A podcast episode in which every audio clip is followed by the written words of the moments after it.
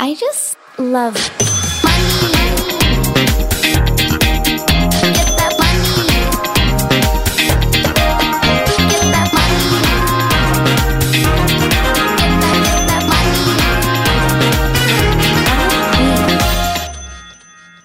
God mandag og velkommen tilbake til en ny episode av Karrierekvinne podcast.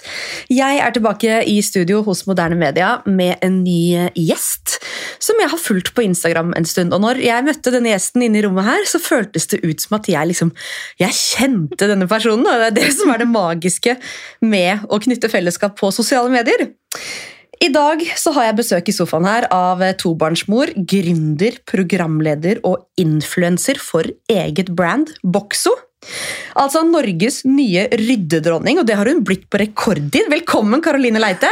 Tusen takk for at jeg fikk lov å komme. Veldig hyggelig å ha deg her. Jo, takk. Det er så gøy at man bare, liksom, sånn som du sa når du kom inn, jeg føler at jeg kjenner deg. Ja, og det er jo litt rart, fordi det er sånn jeg følger deg jo eh, på sosiale medier, og der ser man jo hverdagen til hverandre. Ja.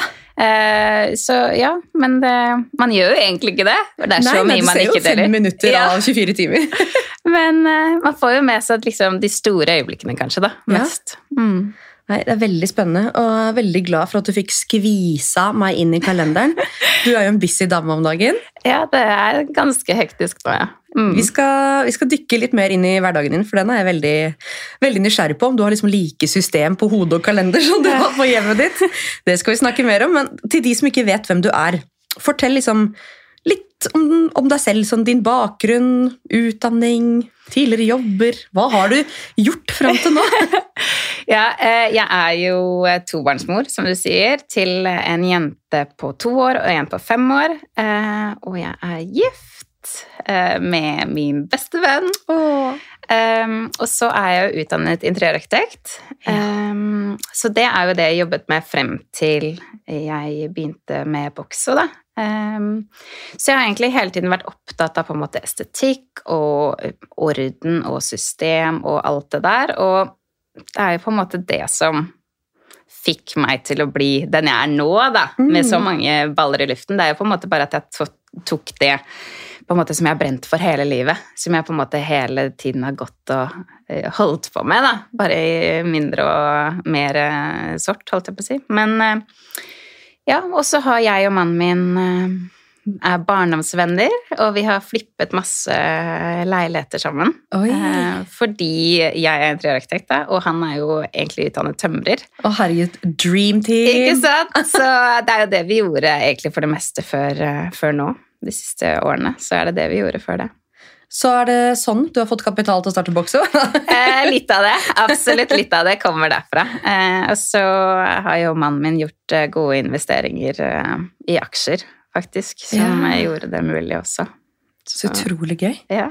Så du, altså, du har kjent han nesten hele livet, da? ja. Jeg tror vi møttes når vi, jeg var eh, 18 og han var 19, eller noe sånt. Ja. Men eh, vi ble jo bare veldig gode venner, da. Ja. Um, og så hadde vi forskjellige, eller hver våre kjærester, og det var liksom ikke noe sånn, men vi var liksom hele tiden super close, da. Um, til en dag da hvor vi begge var single, og det var hyggelig. så Herregud, ja. så koselig. mm, det er litt lik historie jeg har med min også. Vi møttes når vi var sånn 15, og masse kjærester på hver vår kant. Vi var ikke like gode venner da, for jeg... Jeg vet ikke, Er ikke det litt sånn rar å steppe over den grensa der, liksom? Jeg har jo en bestekompis. Jeg ikke se for meg liksom at det Ja, men jeg vet ikke, Det er jo sikkert fordi det lå litt Ja, i kortene. Selv om ikke vi på en måte gjorde noe med det, så var vi på en måte så gode venner. På en måte. Men så tenker jeg nå da, så er det veldig deilig, for det er sånn, vi har jo ingen hemmeligheter. sånn, 'Å, du er en øks jeg ikke vet om', eller Ja, altså, Vi ja. kjente jo hverandre så godt. Vi kan prate om hverandres ekstra, bare 'Husker du når det skjedde, og det skjedde?' For vi var på samme festen. Altså, alt er jo Vi har samme liv, da. Herregud. Eh, Så det er jo litt deilig å slippe å på en måte Ja, husker du han eller hun, eller Altså, ja. Jeg altså, syns det er helt romantisk. eh, jeg, ble, ja, jeg elsker romantikk. ja, men Så koselig. Men altså, denne interessen for organisering den starta når du var ganske ung? skjønner jeg? Ja, eller jeg tror det kom med det at jeg studerte interiør og arkitektur. Altså, du var ikke en av de barna som gikk rundt og rydda i foreldrene sine ting? Moren min skjønner jo ikke hvordan jeg har blitt den jeg er nå. Jeg bare, ok, det der har du ikke fått hjemmefra, for å si det sånn. Eh, mens faren min derimot, han er litt sånn, har alltid hatt litt sånn brettekanter og sånn i skapet sitt. Eh, men Eh, Jeg tror nok det kom fra den interiørbiten, at jeg liker estetikk. da, eh, Og interiør og arkitektur og sånn er jo på utsiden ofte. At man på en måte designer ting som skal se pent ut for alle og enhver. Men med en gang man åpner skuffer og skap, det er oss de fineste hjemmene i Norge, så kan det være helt kaos. Jeg bare sitter Eh, og blinker med øya. Du føler deg litt truffet, eller? Ja. Det begynner å bli bedre venn. Så det var egentlig det at jeg, sånn, jeg skjønte ikke hvordan eh, vi ikke skulle ha det også på en måte litt fint på innsiden. da. Eh, og så skal det jo ikke skimses av at jeg fikk barn, Mm. og da er det ikke like enkelt å holde årene lenger. Og det fine interiørmagasinet hjemme jeg har hatt før, det var plutselig litt sånn, det ble ødelagt av barna mine hver Ja, dag, og jeg er bare sånn, dere kan ikke komme her og ødelegge nå, jeg har hatt liksom pappaen deres, Ja. som jeg har Oppdratt. oppdratt. Så godt det lar seg gjøre, så skal dere komme over liksom, og begynne å ødelegge det fine hjemmet mitt. Eh, Så det var egentlig det da, og da fant jeg ut at jeg trengte gode systemer for å kunne opprettholde den estetikken hjemme da, som jeg vil ha. Eh, og så liker jeg veldig godt at det er ryddig og fint rundt meg. da. Jeg føler meg litt sånn roligere og ja. Men altså, bare sånn før vi går videre, der jeg har så mange spørsmål Altså, Nå har jo du sikkert aldri starta med et sånt dårlig utgangspunkt. Du har jo sikkert alltid hatt det ganske ryddig. ja. Men ja, sier du søren. Ja. Jeg hadde et lite håp om at du også hadde et walk-in closet hvor du lukka opp døra, så kom det liksom en foss med lava i fjeset ditt. Sånn er det hos meg. Og nei, jeg kjenner at nå har jeg jo lest boka di, Mhm. og du så jo at når jeg leste boka di, så skrev jeg et notat på jeg ble så glad. Jeg Jeg ble sånn- så glad. To do. Ja. There's a lot of things to do. Så jeg liksom jobber meg nedover den. Men um, hva er liksom Altså, det å starte Jeg har skjønt det liksom i boka di at du skal starte liksom veldig i det små, da. Og det mener jeg jo med den boka Ordnesystem, da, er jo det at liksom det trenger ikke å være så stort, så voldsomt, så vanskelig eh, Mm. å starte en ryddeprosess. For det er jo mange som deg, som åpner et skap, så renner det ut, og så blir man så overveldet, og så bare Fy søren, det her klarer jeg ikke å ta tak i. Så lukker man bare skapet og bare later som det aldri har skjedd. Mm. Men bak i hodet så går man og tenker på det. ikke sant? Man husker det gjesterommet som er helt fullt, eller den garasjen som liksom er oversvømt av ting. Man, man går og tenker på det, eh, sånn back of mind, da. Mm. Um, så det jeg mener er jo det der starte i det små. Ta én skuff, ett skap, når du har litt fritid. Uh, så bare gjør du det. Eh, for det tar så kort tid, Mm. men man tror det tar Fordi man ser på alle skapene i Ja. sin helhet, og bare fy søren, det her kommer jeg til å bruke et år på å gjøre. Men hvis du tar én skuff, så tar det ofte si et kvarter, da. Altså, det tar så kort tid, og jeg har hatt eh, roteskuff. eh, Roteskuffen vår, for eksempel, er jo Richard, eh, mannen min, da, sitt sted å putte ting. Altså, han, jo, han bare putter alt mulig i den roteskuffen, så den må jo jeg gå gjennom titt og ofte. Og det blir uorden der òg, men det tar meg fem minutter. Jeg gjør det mens jeg lager middag. Så fikser jeg den roteskuffen. Jeg tar det ut, putter det tilbake, og så kaster jeg det som skal kastes. på en måte. Men det er jo det at man kan ikke se hele huset som én, eh, ett ryddeprosjekt. Man kan ha det som et mål at hele huset skal bli ryddig, men altså, jeg klarer ikke det heller. Det er jo ingen som gjør det. Så ta den ene skuffen da, på kjøkkenet, den som faller ut av lavaen. på en måte. Ta den, og så fokuser bare på den. Og når den er gjort, så kan du si ok, det tok meg så Sett på klokka. Hvor lang tid tok det? Ok, Ja. det tok 20 minutter. Og så da er det kanskje litt enklere med neste hylle da, som du skal ta. Ja, ikke sant. Så blir man ikke så overveldet, da. Jeg tror det er det ofte folk stopper på. Overveldet, ja. Ja. Nei, vi skal mer inn på det her, men jeg bare sånn altså, mens vi snakka om det, sånn, hvordan ser det ut hos deg? Men ok, jeg skjønner det er ganske, ganske strøkent. Men nå som du har liksom Du har bokso, som jeg sa, du er forfatter, du er programleder. altså for det første, fra idé til lansering av Boxo, som da er nettbutikken din for um, oppbevaring. Ja, Er organiseringsprodukter. Organisering? Mm. Hvordan var denne prosessen for deg? For det første, Hvor kom ideen fra? Jeg skjønner jo at du alltid har liksom tenkt på estetikk, og så plutselig på estetikken på innsiden av døra også.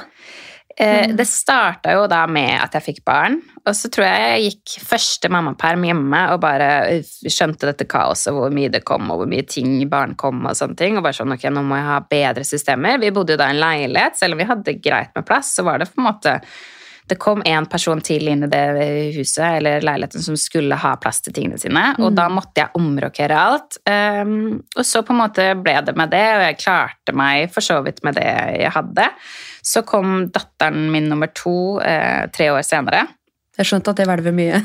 Ja, og da ble det enda mer ting. Da. Litt sånn dobbelt opp. Og da hadde jeg arveklær fra hun første, og det var liksom mye greier som skulle liksom settes i system da, og få litt sånn orden. Og da eh, er det jo egentlig det at jeg begynte å se til hva trenger jeg hjemme for å få orden på alle disse tingene som vi nå har, da. Um, og så fant jeg nesten ingenting. Altså Det eneste jeg fant, var liksom en boks her og en Svære kassene fra Ikea? Eller liksom ja, bare... ikke sant? Det var liksom ikke noe Og så var det ingen som inspirerte meg til å vise meg hvordan jeg skulle gjøre det heller. Så det var sånn, ok, det her er en marked for. Se til USA, på en måte. De har Container Store, som er altså, like store som Ikea, bare med oppvaringsprodukter. Og jeg bare sånn Fy søren, det der er drømmen. Så begynte jeg egentlig med ok, da får jeg bestille fra USA, da. Og så la jeg en bestilling på et eller annet, og så bare sånn Ok, du skal betale 1000 kroner i frakt. Jeg bare sånn det, det går jo ikke an. Det, det er ikke mulig. Så da tenkte jeg ok, men det markedet her, det er jo ikke bare jeg som ønsker meg et organisert hus. Så da begynte jo egentlig eh, greia med at jeg skulle pitche deg for Richard, da, mannen min. Eh, og han er ikke en ryddig type. Han er, han er ikke det i det Ser hele ikke helt poenget, liksom? Nei. Så når jeg kom til han bare, jeg har lyst til å selge oppvaringsbokser, på en måte, eller jeg tror det er en marked Han bare sånn nå, nå drar du det litt for langt, liksom. Kan ikke du bare slappe av litt? Men så skjønte han liksom hvor mye jeg brant for det. Så han var sånn, ok, men da får du pitche meg en idé, da. Eh, eller liksom lage en liksom liste. Hvordan mener du at det her skal settes opp? Så tror jeg han innerst inne skjønte ok, det her kommer hun aldri til å gjennomføre. For det blir for avansert. ikke sant? Oi. Jeg skulle ha noe tall, og han sa liksom må ha med tall, og da er jeg jo egentlig helt ute. ikke sant? Med en gang du skal ha med noe tall. Ja. Så han var sånn, ok, men uh, gi meg det da, Uh, så kan vi se på det igjen. Og jeg bare, shit, det var vanskelig. Det var en litt større oppgave enn jeg hadde sett for meg da. Men så tenkte jeg, men jeg vil gjerne gjøre det. Jeg var jo fortsatt i mammaperm. Så jeg bare fant ut av alt det han ville ha. Og så viste jeg ham, og han bare, oi, det her var jo veldig bra. Jeg tror kanskje det her kan være noe. Eh, og da ble jeg sånn, shit, nå kan jeg få en... Ja, liksom. ja, nå er vi to stykker på den ballen her, men så kom det jo til den greia at hvordan skal det her løses i hverdagen, ikke sant? Jeg hadde jo da fulltidsjobb, egentlig, selv om jeg var i mammaperm akkurat da, og han har jo fulltidsjobb. To små barn, vi har en svær hund i tillegg, så det er liksom, kabalen her er ikke akkurat til at du skal få deg en bijobb. Mm. Jeg var liksom ikke inne i det. Men eh, jeg tror jo egentlig at vi begge så hvor mye jeg brant for det, og han er jo veldig sånn følg drømmene dine-type. Men eh, vi må jo også Vi kan jo ikke skakkjøre økonomien vår hjemme heller. Ehm, så da begynte jo liksom hele kabalen å falle sammen igjen, da. Den derre drømmen min om noe stort, det på en måte falt litt sammen, for vi hadde jo ikke den kapitalen til å putte inn og kjøpe varer og liksom Nei. Det skal jo litt til å få i gang en nettbutikk òg. Ja, fysiske produkter. Ja, ja altså, jeg skulle ikke liksom, det måtte jo, Produktene må jeg kjøpe, jeg må liksom på en måte selge det, vi må få opp en nettbutikk. altså Det var mye greier da, som jeg liksom ikke hadde tenkt så mye på. Eh, og de pengene som sagt hadde vi ikke. Så da la vi egentlig den litt på hylla igjen, for det var så mye som skjedde, og jeg mistet stemoren min, og det var liksom så mye greier der. Så, um, så tok vi bare liksom og la den på hylla, men jeg klarte liksom aldri å eh, legge det fra meg. Eh, så jeg bare sånn åh, Hele tiden så var sånn Nå skal jeg snart tilbake på jobb. Å, den Det- klokka jeg- der er, å, den er grusom. Men jeg likte egentlig jobben min veldig godt. Ja, okay. Eh, så det var egentlig sånn, det var ikke det som var krise at jeg skulle tilbake på jobb, men det var egentlig mer den derre Det her er egentlig drømmen min. Selv om det her er en kjempebra jobb, og jeg trives med kollegaene mine, altså, er jo drømmen min det her. Ja. Eh, og jeg hadde jo aldri vært en sånn gründer som bare Å, jeg skal skape noe. Ingenting. Men det her var liksom, jeg så det markedet. Jeg bare, shit, jeg trenger jo alle disse produktene. Jeg trenger det fortsatt, selv om Richard og jeg ikke har pengene. på en måte. Så gikk det ja, noen måneder, tre-fire måneder, og vi snakket ikke om det mer. Og vi liksom øh, la litt den bokso på hylla. Det het ikke bokso da, da. Jeg tror Richard bare kalte det Boks, ja. Ja. Som et selskap. Um, og så kom jeg en dag uh, opp med Eller det var kanskje venninnene mine som uh, snakket sammen og bare Vi skal ikke starte nettbutikk, da? Eller bare selge et eller annet? Og jeg bare sånn Og da så du bare stjernene i øynene mine. ikke sant? Jeg vet hva et eller annet er. Ikke sant? Og jeg ble, ble sånn, shit, og jeg gikk hjem til mannen min, jeg nevnte jo ingenting da. Jeg bare sånn, Rikard, vet du hva? De sier de har lyst til å starte en nettbutikk. Vet du hva, jeg kan jo få med de, og de kan jo masse om økonomi. Og, det- altså, det var liksom, de var mine eh, go-to-personer, og Ja, de har på en måte også vi kunne da liksom dele på innskuddet til Altså jeg bare, hele hodet mitt bare Ok, det her er brikkene jeg trenger for å få Bokso til å bli i live, da. Ja. Eh, så det endte jo med at jeg pitchet det for de da, eh, mine to venninner. Eh, og de sa ja.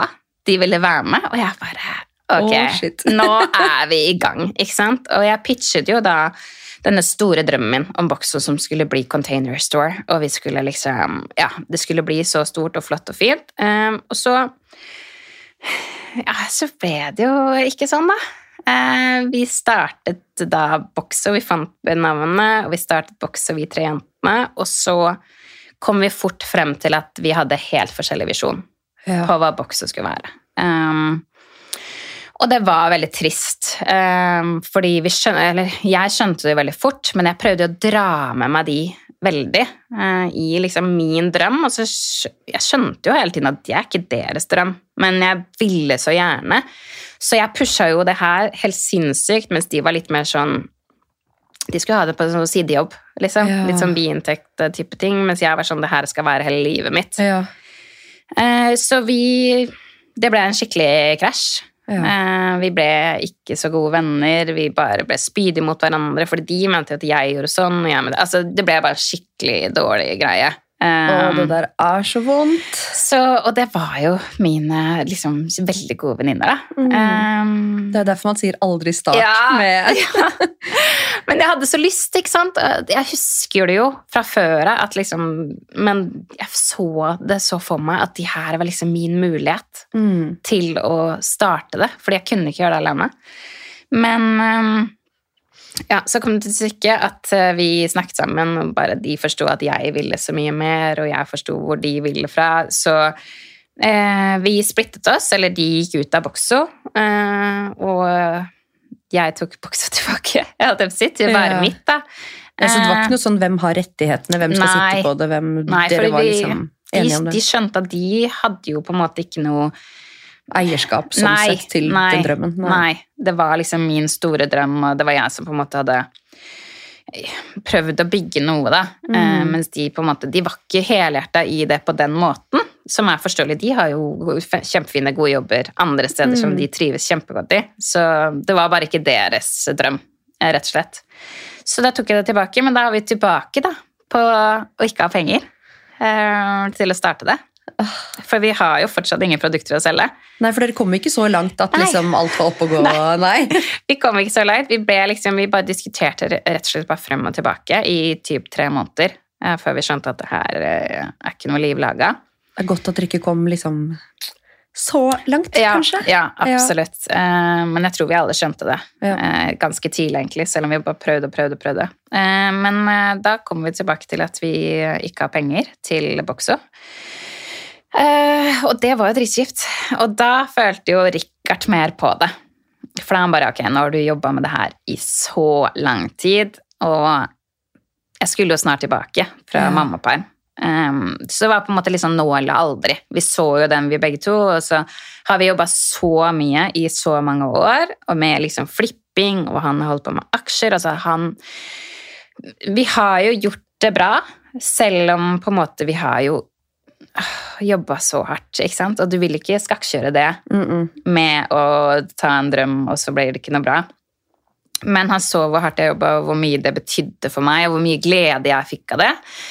Så eh, da holdt jeg på å si, fant vi ut ok, du kan gå uten lønn Ja. i, i en stund. da. Vi skal prøve å få det til å gå, være veldig sparsomme, prøve å finne midler der hvor vi på en måte eh, kanskje ikke hadde tenkt å finne det. på en måte.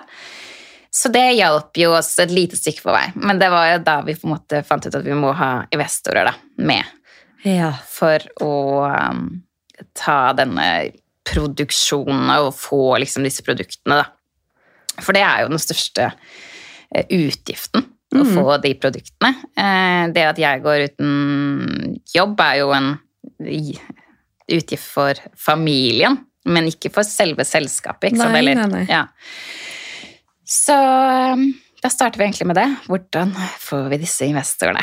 Eh, og vi kjenner jo mange. De fleste kjenner jo en del mennesker som har eh, gått med penger og sånne ting, men det er jo Jeg er ikke noe selger. Jeg er ikke noe sånn Å, uh, bruk masse penger på meg. Det er Ja, det verste eh, jeg kunne tenke meg, men jeg måtte jo bare. Mm. Ja, Du gikk i ditt eget nettverk, du var ikke gjennom Folkeinvest? Eller nei, liksom, nei. Vi prøvde det først, eller vi tenkte ok, det er jo sikrere å prøve å ta noen du vet litt hvem er. Eh, også for oss Mm. som et selskap, da. Fordi hvis du går til Folkeinvest, for eksempel, da må du jo svare til eh, andre mennesker, da. Svare til mange, så må du jo ha er det 30% av det du ønsker å oppnå. Ja. Vil du ha tre millioner, da, så må du ha én million å gå inn med før Folkeinvest i det hele tatt pusher kampanjen din. Liksom. Ja, ikke sant? Uh, og det hadde jo ikke vi. Så, så den muligheten hadde vi aldri hatt heller. Um, så da var det egentlig bare å skrive ned en liste. Alle vi kjenner, alle vi tenker, alle bekjentskaper fra tidligere, fra jobb. Fra, altså vi begge har jo holdt på med eiendom og altså, Vi kjenner jo mange eiendomsinvestorer og sånne ting. Så tenkte vi okay, vi får bare skrive ned hele gullrekka, på en måte. Og bare Hvem av de her skal vi kjøre på?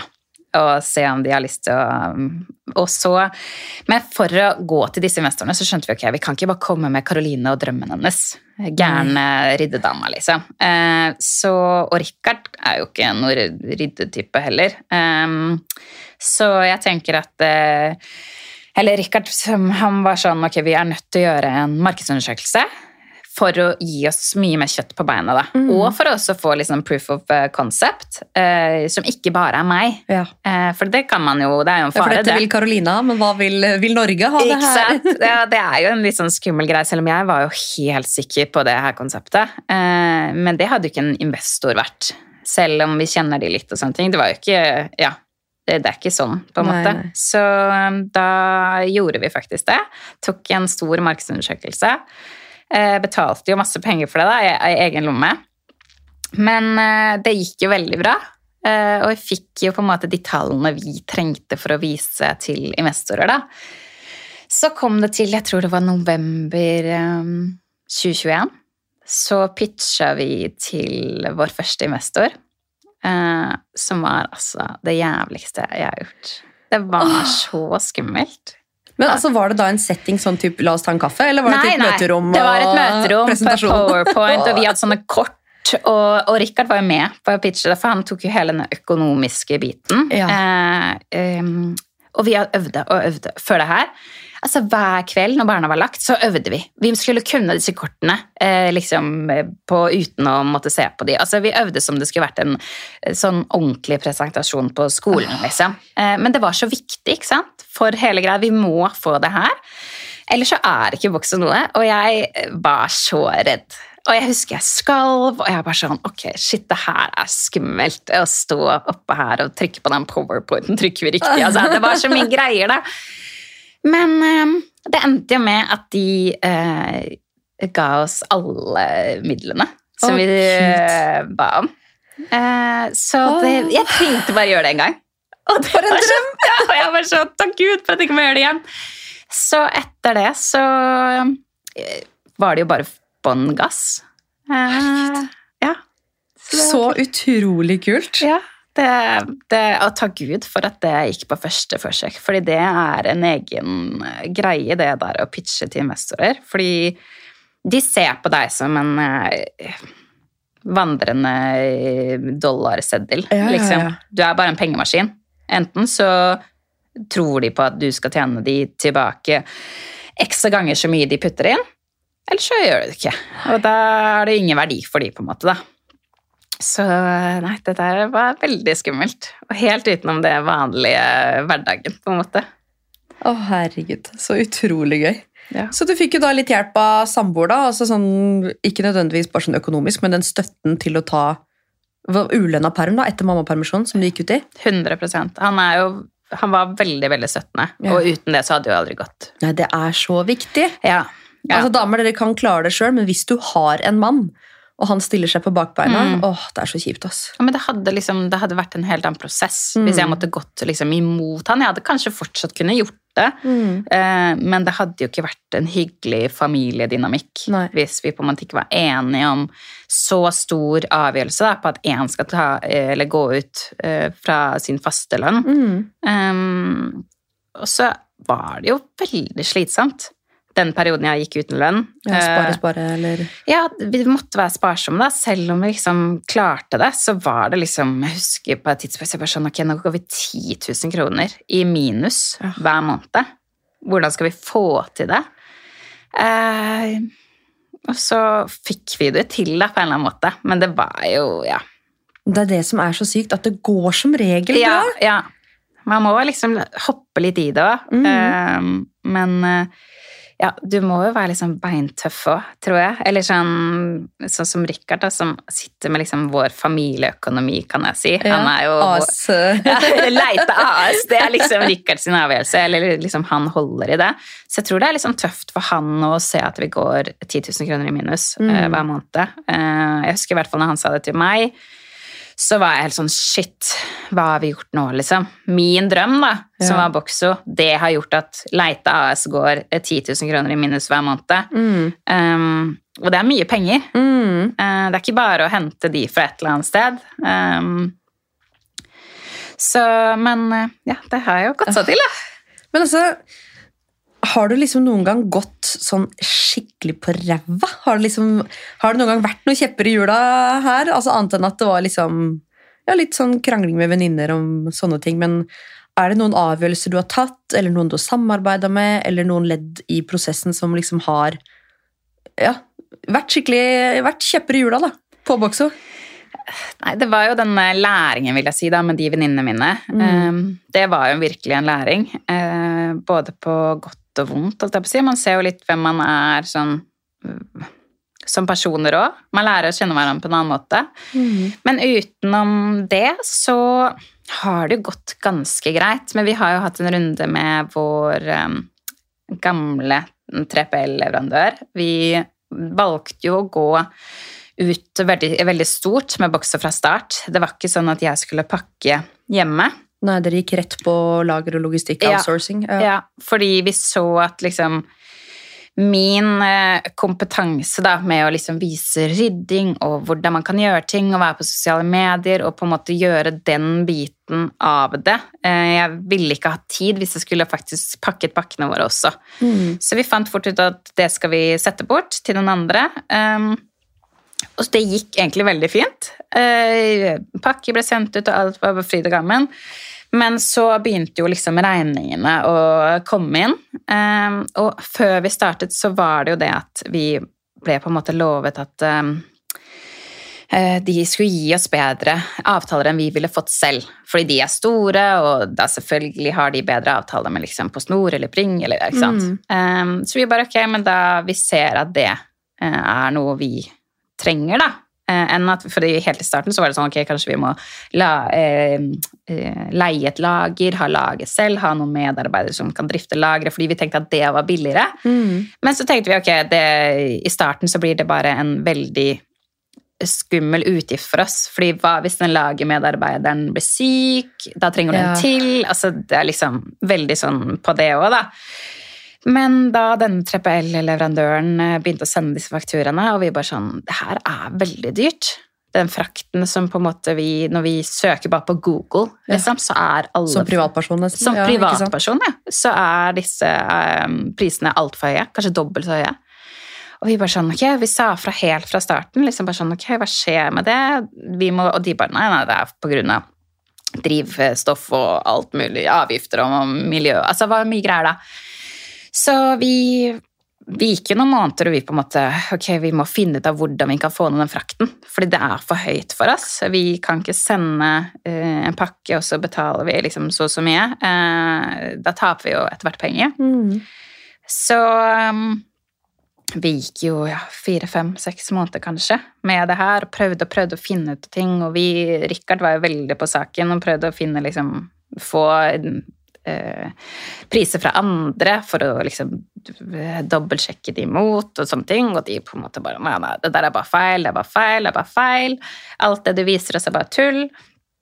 Og til slutt så, etter mye om og men og mange møter og sånne ting, så sa vi eh, at hvis ikke det her endrer seg, så må vi flytte. Mm. Og da endret det det. Eh, og da Fy fader. endret de det. Eh, Da gikk de da Det er jo de hel krise. Da innrømmer de jo Ja. Så da gikk de faktisk da på De mente at det var eh, sin leverandør da, som hadde gitt de høye priser og sånn. At de liksom var helt unnskyld. Men vi hadde vært på de så lenge, så det her burde de sett på for lenge siden. da. Mm. Eh, og det her gikk jo bare rett ut fra vår lommebok. Eh, de hadde jo ingen utgifter med det her. Eh, så vi, at vi liksom helt fra første måned sa ifra. Og så bare ble det aldri gjort noe med, fordi de bare sånn Nei, nei, dere er bare tuller. Det er nye game og ikke noe. Altså, det var så oh. uh, Ja. Og vi visste jo egentlig ikke helt hva vi holdt på med, vi heller. ikke sant? Så vi hadde liksom ikke den tyngden, vi heller, til å si at det her er feil. Fordi vi hadde jo akkurat starta. Vi bare skjønner ikke, Dere har jo vært i gamet i 20 år.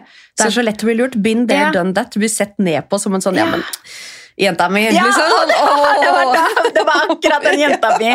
Nå må du roe deg ned. Ja. Eh, og jeg pleier bare sånn åh, shit. Men eh, så endte det med at vi flytta eh, til et annet eh, 3PL-selskap, da.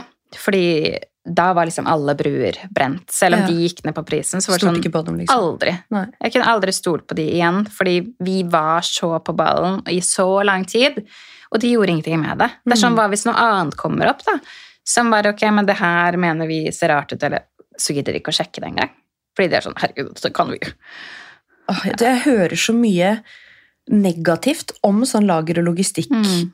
Altså, Vi hadde jo det samme selv med den joggedressen som jeg lanserte. Ja. Det er et mareritt. Jeg var bare sånn, vet du hva, Hvis jeg noen gang skal gjøre det igjen, så skal Leif stå og pakke på soverommet! liksom. Og Det er ikke akkurat bærekraftig deler, men bare det der å outsource både kundeservice, lager og logistikk, og de liksom ikke ser De sender bare feil farger, og de sender feil størrelser, Ja. og de svarer ikke på mail på tre uker. og Det Så er det jo det. du som er ansiktet utad, som får kjeft, da. Mm. Og Nei, det, er- har jo vært sinnssykt viktig for meg da, med Boxo, er jo den der kundeservicen. Ikke sant? Eh, og det skal jeg ikke ta de på, da, eh, dette logistikkselskapet. De, jo, de sendte jo varer riktig, og de sendte raskt og alt mulig. Eh, så de var jo på en måte gode på det, eh, men de bare tok alle pengene våre. men um... Det er nesten, det er fælt å si det, men det er nesten bedre det enn at de bare ødelegger hele boksen utad.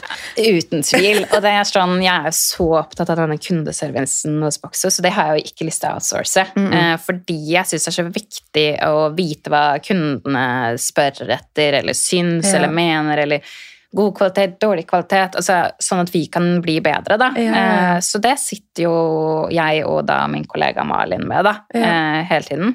Eh, så det vil jeg ikke outsource. Men det er derfor det er viktig å ha denne 3PL-leverandøren, da, Mm. lager- og logistikkleverandøren, som på en måte vi kan stole på, spare med, som vi bare ikke dere gjør deres del, så skal vi gjøre vår del, på en Mm. måte.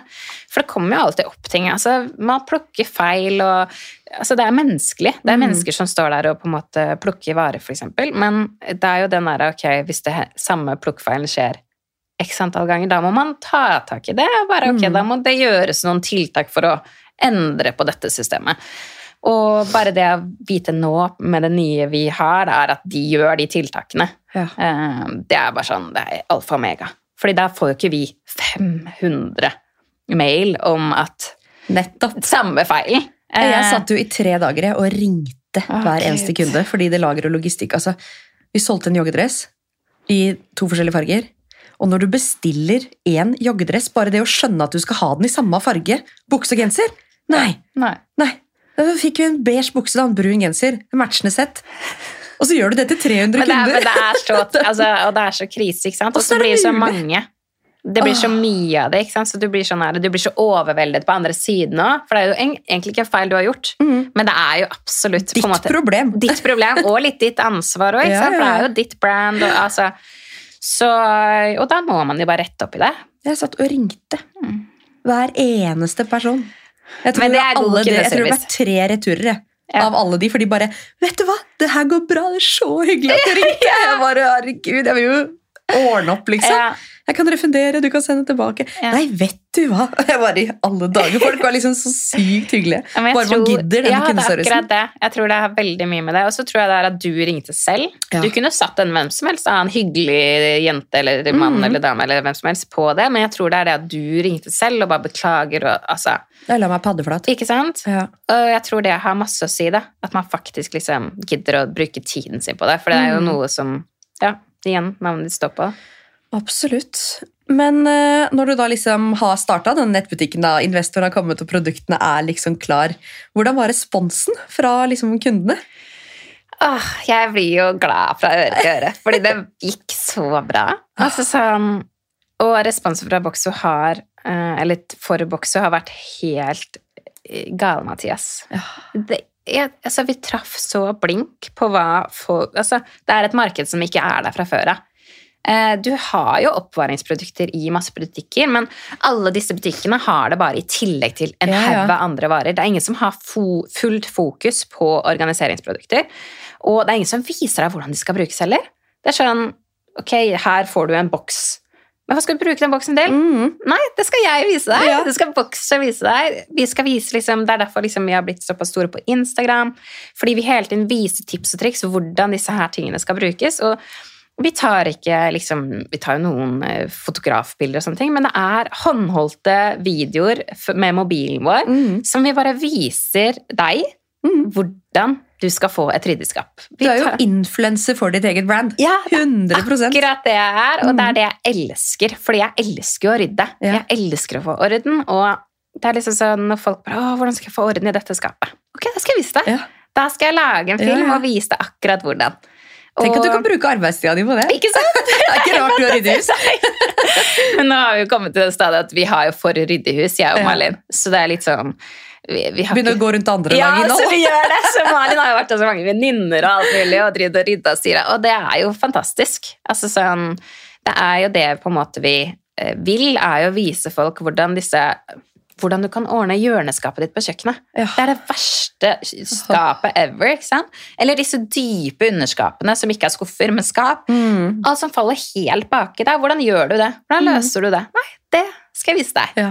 Uh, og det er liksom sånne ting da, som jeg bare elsker å drive med. Og det er jo på en måte det jeg føler Box har fått den responsen fra, er jo det at vi gjør det så enkelt at liksom alle skjønner ikke det her kan jeg gjøre. Mm. Det her er ikke revolusjonerende. Det er faktisk så enkelt hvis du bare gjør det her. Så ja, jeg tror eh, Og Boxer har gått veldig, veldig bra fra dag én. eh, som jeg er superfornøyd med. Um, Ja, fordi det var liksom trøblete fram til lansering, og så Ja. bare ta-ta! ja, eh, altså, men at det er mye jobb, Ja. det er jo Det er helt sinnssykt mye jobb. Uh, men igjen, når du ser at jobben du gjør, resulterer i at det går bra, Mm. så er det jo veldig gøy. Men vi skal ikke kimse at det er helt sinnssykt mye. Så vi skulle jo egentlig starte Boxo med kun meg. Ja. Um, ja, for du har, er det én ansatt? har? En ansatt, Ja, 100%? men, 100%, Ja. Men nå skal vi jo få inn en til, 100%. Og så har vi også eh, leid ut holdt jeg på å si, tjenester, så vi har jo folk som sitter på markedsføring, vi har jo da lager og logistikk, nå får vi en på innhold, som skal ta bilder og lage innhold for oss, fordi det er Ja. for eh, voldsomt da, for to personer å Mm. holde i, eller snart tre. Men eh, så Malin kom jo inn veldig tidlig. Eh, jeg tror hun kom inn, Vi åpnet i april, og hun startet i august. Ja. Men allerede i juni så ringte jeg henne og bare Eller mai, kanskje fordi hun hadde tre måneders oppsigelse. Jeg husker det så godt. Jeg bare, ok, kan du slutte jobben din? Og det er skummelt òg, fordi eh, skal du slutte en fast jobb og starte i et nyoppstart, Mm. det er en startup, liksom. Så det var vanskelig for hun nå, tror jeg, og bare ok, da gjør jeg det. Eh, men eh, ja, jeg kjente jo hun fra før av, da, så det hjalp meg kanskje litt. Ja. Hun er jo eksen til broren min, ja. så vi tok en liten sånn eh, Keeper er in the family. De er jo ekser, men uh, nå møtes de jo innimellom på kontoret. Men uh, det funker fint, det. Så, men jeg kjente jo hun fra før, så det var enkelt å på en måte ansette hun da. For jeg Ja. visste at hun var like gæren som meg på rydding. Og hun var den eneste jeg kjente som på en måte var sånn ordentlig ikke bare sånn jeg liker å rydde, men sånn Ja. faktisk sånn Ok, skal vi dra og rydde det? Ja, ja. Og faktisk bare glede seg til å dra og rydde en rotete skuff, liksom. Eh, så derfor Psycho. Så vi er to psychoer sammen. Men eh, det er det, da. Så hun ble jo med fra start, da. Og på en måte har bygd opp eh, bokset sammen med meg, da. Så det er superdeilig å ha den hjelpen, da. Men, Men det er så viktig å outsource tidlig nok, for det er så mange som tenker sånn Å nei, øh, å, jeg har ikke nok penger til å outsource. jeg har ikke nok penger til å outsource. Hvis du har litt grann overskudd, bare å outsource hvor mye det frigir av tid og energi som du kan bruke på å generere penger ja. Åh, Folk må ikke være redd for å outsource, altså. Nei, og det å outsource istedenfor å ansette, for eksempel, Mm. er jo mye bedre. For Mm. det er jo ikke en så på en måte fast kostnad. Det å ansette liksom fem personer i Boxo er jo kjempeskummelt. Mm. Hvis Boxo plutselig går litt dårligere, da, eller liksom, så skal de fortsatt ha lønn. Ja. Blir du syk, skal de få Altså, det er mye greier, da. Mens det å outsource, så er det på en måte ikke ditt problem. Nei. Det er samme som dette med logistikk. Da, hvis vi selger tre pakker en dag, ok, men de har kanskje tid på jobb. Ja. Men det er ikke vårt problem. Nei. Mens selger vi 300 pakker Ja, en dag, ja, så er det de som har tid på jobb. Mm. Eh, og ikke mitt problem da heller. Så det er på en måte den der opp- og nedgangen, da. Det trenger ikke jeg å tenke på når det kommer til det pakkingen, da. For det er det Mm. de som på en måte skal stå for. Så sånne ting er jo veldig bra å outsource, da. Eh, ja. Og så er det viktig å vite hva man er god på og ikke. Ja, ja, ja. Og tørre liksom å se seg selv litt utenfra. Sånn Regnskap, Benedicte! Ja, ja. Skulle vi tatt en telefon til noen? Jeg syns regnskap er gøy, men i begynnelsen er jeg bare sånn Hva er moms? ja. Hvorfor er det, hvorfor er det pluss 25 og minus 20? Ja, ja, ja, ja. Og- jeg er så takknemlig for Richard der. Ja. Eh, fordi han har jo stålkontroll på alt det der. Men han er jo fortsatt ikke ansatt i Boxo. Eh, så han har jo minimalt med tid. Til å, holde- så vi har jo en regnskapsfører, og på en måte vi har jo de tingene òg. Mm. Men heldigvis så har jo han hjulpet meg med liksom hvor mye vi trenger å prise varene til, er det nok? Altså, alle de tingene ja, har jo han. Ja, Ja. Så han har hjulpet meg kjempemasse, fordi det er jo noe jeg ikke er god på, eh, det med tall. Mm. Men altså, jeg skjønner jo to pluss to. Altså, det er jo ikke helt hjernedød heller, men det er på en måte ikke noe jeg interesserer meg for Nei, heller. nei, nei. Det er sånn, Kan ikke jeg bruke tiden min på det som er gøy? Eh, og da outsource regnskap, for eksempel. Yes. Så det er jo absolutt veldig viktig. Men eh, du har jo nå nylig lansert en bok Ja, som jeg pløya gjennom på rekordtid. ja. Altså, Hvordan kom du opp med uh, denne ideen og liksom hele prosessen til lansering? liksom? Det, det er jo egentlig veldig enkelt. Fordi jeg fikk eh, en melding i innboksen min fra en redaktør, eh, en sånn frilansredaktør, som eh, lurte på om jeg ville skrive en bok. Eh, så da ble jeg sånn Ok, jeg har aldri skrevet en bok, og jeg har jo dysleksi. Mm, ja, for det har du Eh, snakka om litt. Ja, Ja. og jeg var sånn Men så blir jeg også sånn her Jeg kan ikke ikke gjøre det heller. Eh, fordi det er jo veldig bra for Bokso at jeg kan vise min kunnskap gjennom en bok òg. Eh, så jeg bare ok, da kjører på, da. Så lenge du korrekturleser, så skal jeg skrive den boka! Ja, ja, ja, og hun var jo på det eh, veldig. At Ja. sånn, vi leser den om det blir retta. Altså, du må bare få din kunnskap på ark mm. eller ned på papiret, og så skal vi hjelpe deg å strukturere. Og hun hjalp meg masse. Altså sånn, fra liksom min litt sånn virvar eh, tanker ned på det papiret til å liksom sette det i system da, til denne boken. Så hun var helt fantastisk. Ja. Eh, men det var i hvert fall hun som tok kontakt. Eh, og så ble det jo litt Og det her var det i mai, tror jeg. Hun tok kontakt, så det var rett etter vi hadde åpnet Boxo. Eh, I april, slutten av april åpnet vi Boxo. Og så um, Så jeg hadde jo så mye å gjøre fra før av, men så ble jeg sånn Shit, det her kan jeg jo ikke la gå fra meg. Men så sa hun også Det her er sånn typisk januarbok. ja. Eh, sånn- Ny og bedre start. ikke sant? Og jeg var sånn, ok. Så det hun da ville, var at jeg skulle skrive den på seks måneder, da. Ja. Eh, Folk kan få en julegave, liksom. folk, ja, eller vi skal ha på nyåret, da. Ja, ja, nyttårsforsettsbok, på en måte. Um, og jeg bare, ok, da må jeg bare gjøre det, da. Det er jo det du sier at jeg skal gjøre, på en måte. Og jeg er veldig sånn pliktoppfyllende. Altså, herregud, det er jo, du kan si hva som helst, og så bare, ok, ja, jeg gjør det. Men uh, det jeg fant, og jeg skrev jo boken på seks måneder, og det var så kaldt. Oppi bokso, oppe oppi liksom Malin nyansatt, barn, mann altså Det var et evig Jeg blir kaos. svett av å høre på det. Det, og det var altså så stress. Og det at jeg bruker så lang tid òg, på grunn av dysleksien. Mm. Eh, jeg husker det fra skolen òg, at liksom det folk brukte si eh, to dager på, brukte jeg fire. Jeg brukte alltid Mm. dobbelt så lang tid. Eh, enn alle andre da, på sånne skriveting. Jeg husker jeg studerte jo i England òg. Og da skulle vi skrive på engelsk. Ja, i tillegg. tillegg. I tillegg. Og det husker jeg var et mareritt hver gang vi hadde skriveoppgave. Jeg har jo helt inn gjort sånne kreative fag, ikke sant. Men da var det skrive på engelsk, og det var liksom vi skulle skrive en bok. Uh, og jeg bare Shit, det her tar lang tid. Og jeg brukte jo da dobbelt så lang tid som de Mm. andre. Men jeg gjør det jo, Mm. og jeg gjør det i tide. Men jeg bruker jo altså så mye tid. Jeg husker det fra, til og med fra ungdomsskolen når det var sånn Nå skal du søke på videregående. Og da husker jeg moren min sa ja, men du kan søke med sånn fritak. Eller sånn et eller annet sånn at fordi du har dysleksi, så kan du på en måte få litt fritak for at du ikke har så gode karakterer. For det. Ja. Og jeg bare Ikke søren Nei. om jeg skal være annerledes enn de Nei, andre. nei. Så det startet meg egentlig der at jeg liksom pusher meg jo veldig hardt for å ikke være dårligere enn de andre. Ja.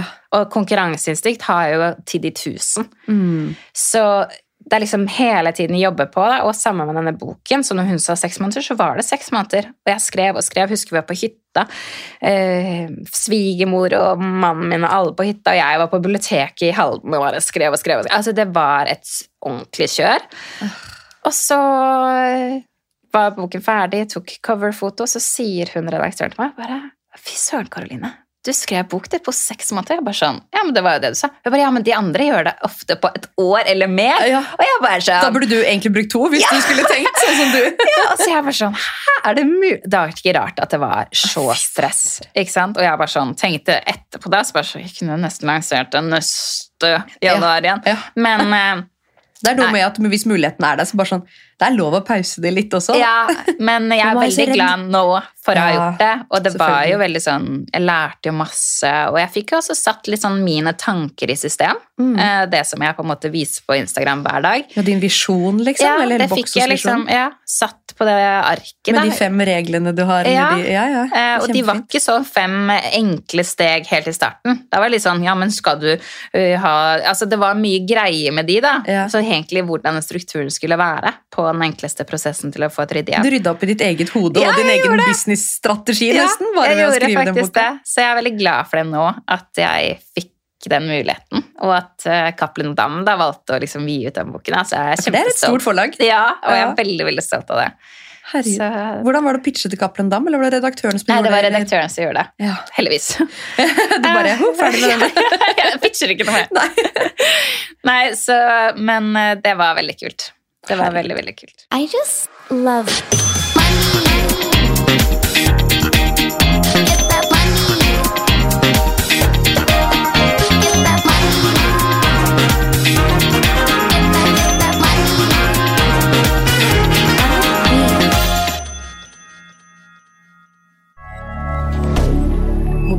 Media. Har du et enkeltpersonforetak eller en liten bedrift? Da er du sikkert lei av å høre meg snakke om hvor enkelt det er med kvitteringer og bilag i fiken, så vi eh, gir oss her, vi. Fordi vi liker enkelt. Fiken superenkelt regnskap.